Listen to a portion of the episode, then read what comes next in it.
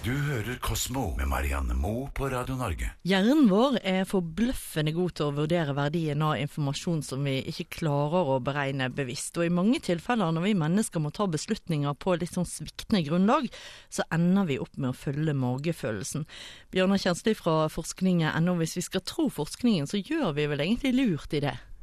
Ja, det er litt begge deler, da. For det er jo forskning som eh, kan tyde på at det er lurt å tenke seg om også. Men uh, det gjelder jo forskjellige ting. Uh, den studien her går på tall, og det å kunne regne ut ting veldig kjapt, det er tydelig at hjernen har en egen evne til det. da, Å regne ut et gjennomsnitt veldig fort. Den har rett og slett en innebygd kalkulator vi ikke er klar over? Ja, det kan se sånn ut. Vi vet ikke om den er veldig nøyaktig, men den, den er ganske god, i hvert fall.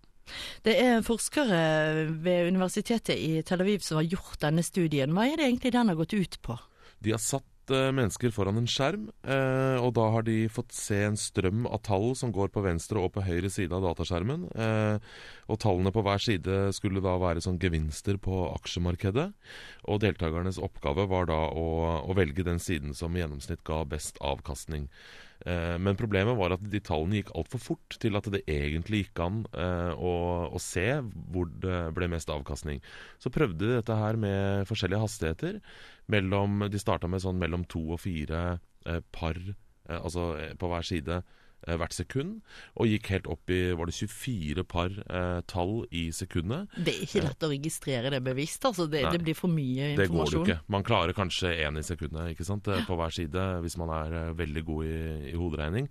Men 24 par i sekundet, det er det ikke mulig å, å klare å regne sammen. Men det viste seg da at eh, at uh, jo, faktisk, jo raskere og flere tall man så, jo bedre ble resultatene. Fordi da Eh, når man får se så mange som 24 par i, sekundet, så er det jo ikke noe vits å prøve å regne engang. Så da stoler man rett og slett bare på magefølelsen.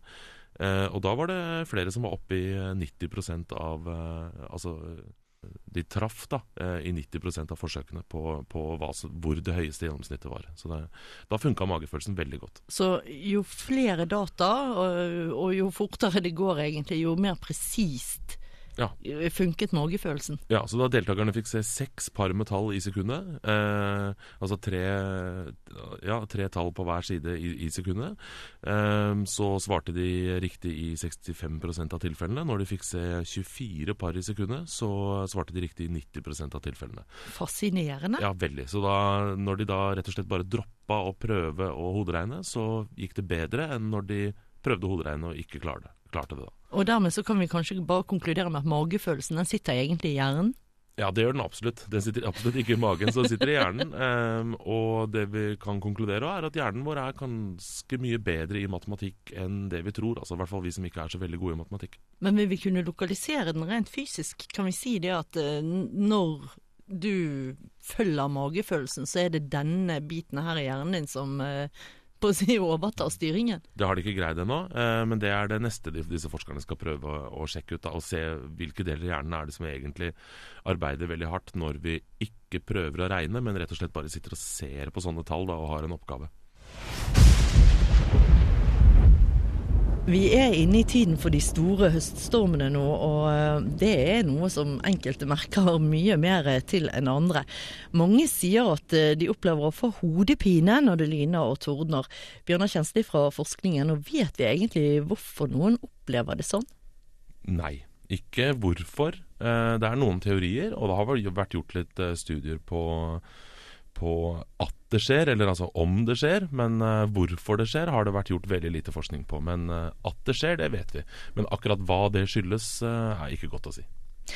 Når disse her stormene raser, så kan vi jo nesten føle spenningen før lynet kommer og det, det braker løs. Vet vi egentlig hva det er som skjer når, når det virkelig begynner å lyne og tordne?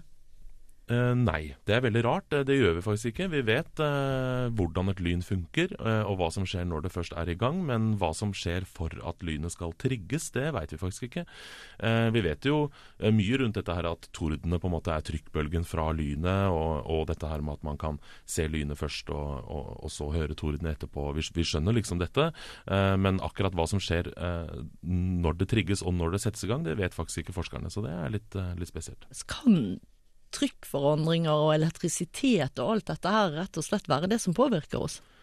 Eh, at elektrisiteten påvirker oss, eh, det gjør den. Men den påvirker oss nok ikke sånn som, eh, sånn som man tror. Den påvirker oss først og fremst ved det at vi kan bli litt stressa. For vi kjenner eh, elektriske ladninger i lufta. Eh, I forbindelse med tordenvær er det jo også ofte temperaturomslag, eh, som da skjer litt før tordenværet. Det kan også gjøre oss litt stressa. Eh, så det er nok heller det, eh, tror de forskerne vi har snakka med, som gjør at noen folk opplever hodepine. Fordi hvis man har eh, migrene eller er plaget av hodepine innimellom, så er det stress som regel som eh, utløser en sånn bankende, intens hodepine. da, og og selv sånne små trykkforandringer eller temperaturforandringer kan, eh, kan øke stressnivået. Så, da, så det er nok heller det enn at, eh, at de elektriske feltene i lufta på en måte gjør direkte at vi får eh, hodepine.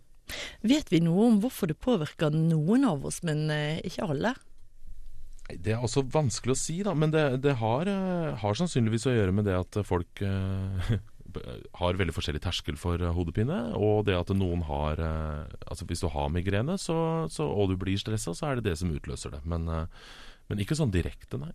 Det er et vanskelig felt å forske på dette. Ja, og så er det vanskelig også fordi det er mange som får hodepine uten at det er tordenvær. Det er mange som har hodepiner og som ikke får det når det er tordenvær. Og så er det jo det at det går over, så det har liksom ikke veldig mye å si, med mindre du bor et sted hvor det lyner og tordner hele tiden, og det er ikke så mange steder. Så det, det er eh, vanskelig og kanskje ikke på toppen av lista over ting man må forske på heller. Men eh, det er klart det er interessant. Men, eh, men så langt så har man ikke funnet noen direkte årsak. Nei, For tanken om at tordenvær kan gi oss ubehag i kroppen, den er jo ikke ny. Nei, den er gammel, og det har vært beskrevet i noen hundre år at folk eh, tror de kan føle, føle tordenværet sånn fysisk. Og, og det kan man jo med, med dette med temperaturforandring og, og trykkforandring. Men at det direkte skal gi plager eller hodepine, det er eh, ikke godt å si hvorfor. Og, og man tror vel egentlig ikke at det, det gjør det sånn direkte, men at det er stresset som gjør det. altså. Så noen eh, medisin mot eh, høststorm, eh, hodepine, det er ikke noe vi kan se frem til i nærmeste fremtid, i hvert fall. Nei, og de forskerne vi har snakket med, de sier at det er noen sånn alternative behandlere og, og sånn som har lagd noen maskiner som på en måte skal jevne ut dette, disse elektriske tingene som skjer når det er lyn, og, og gjøre at du ikke får hodepine.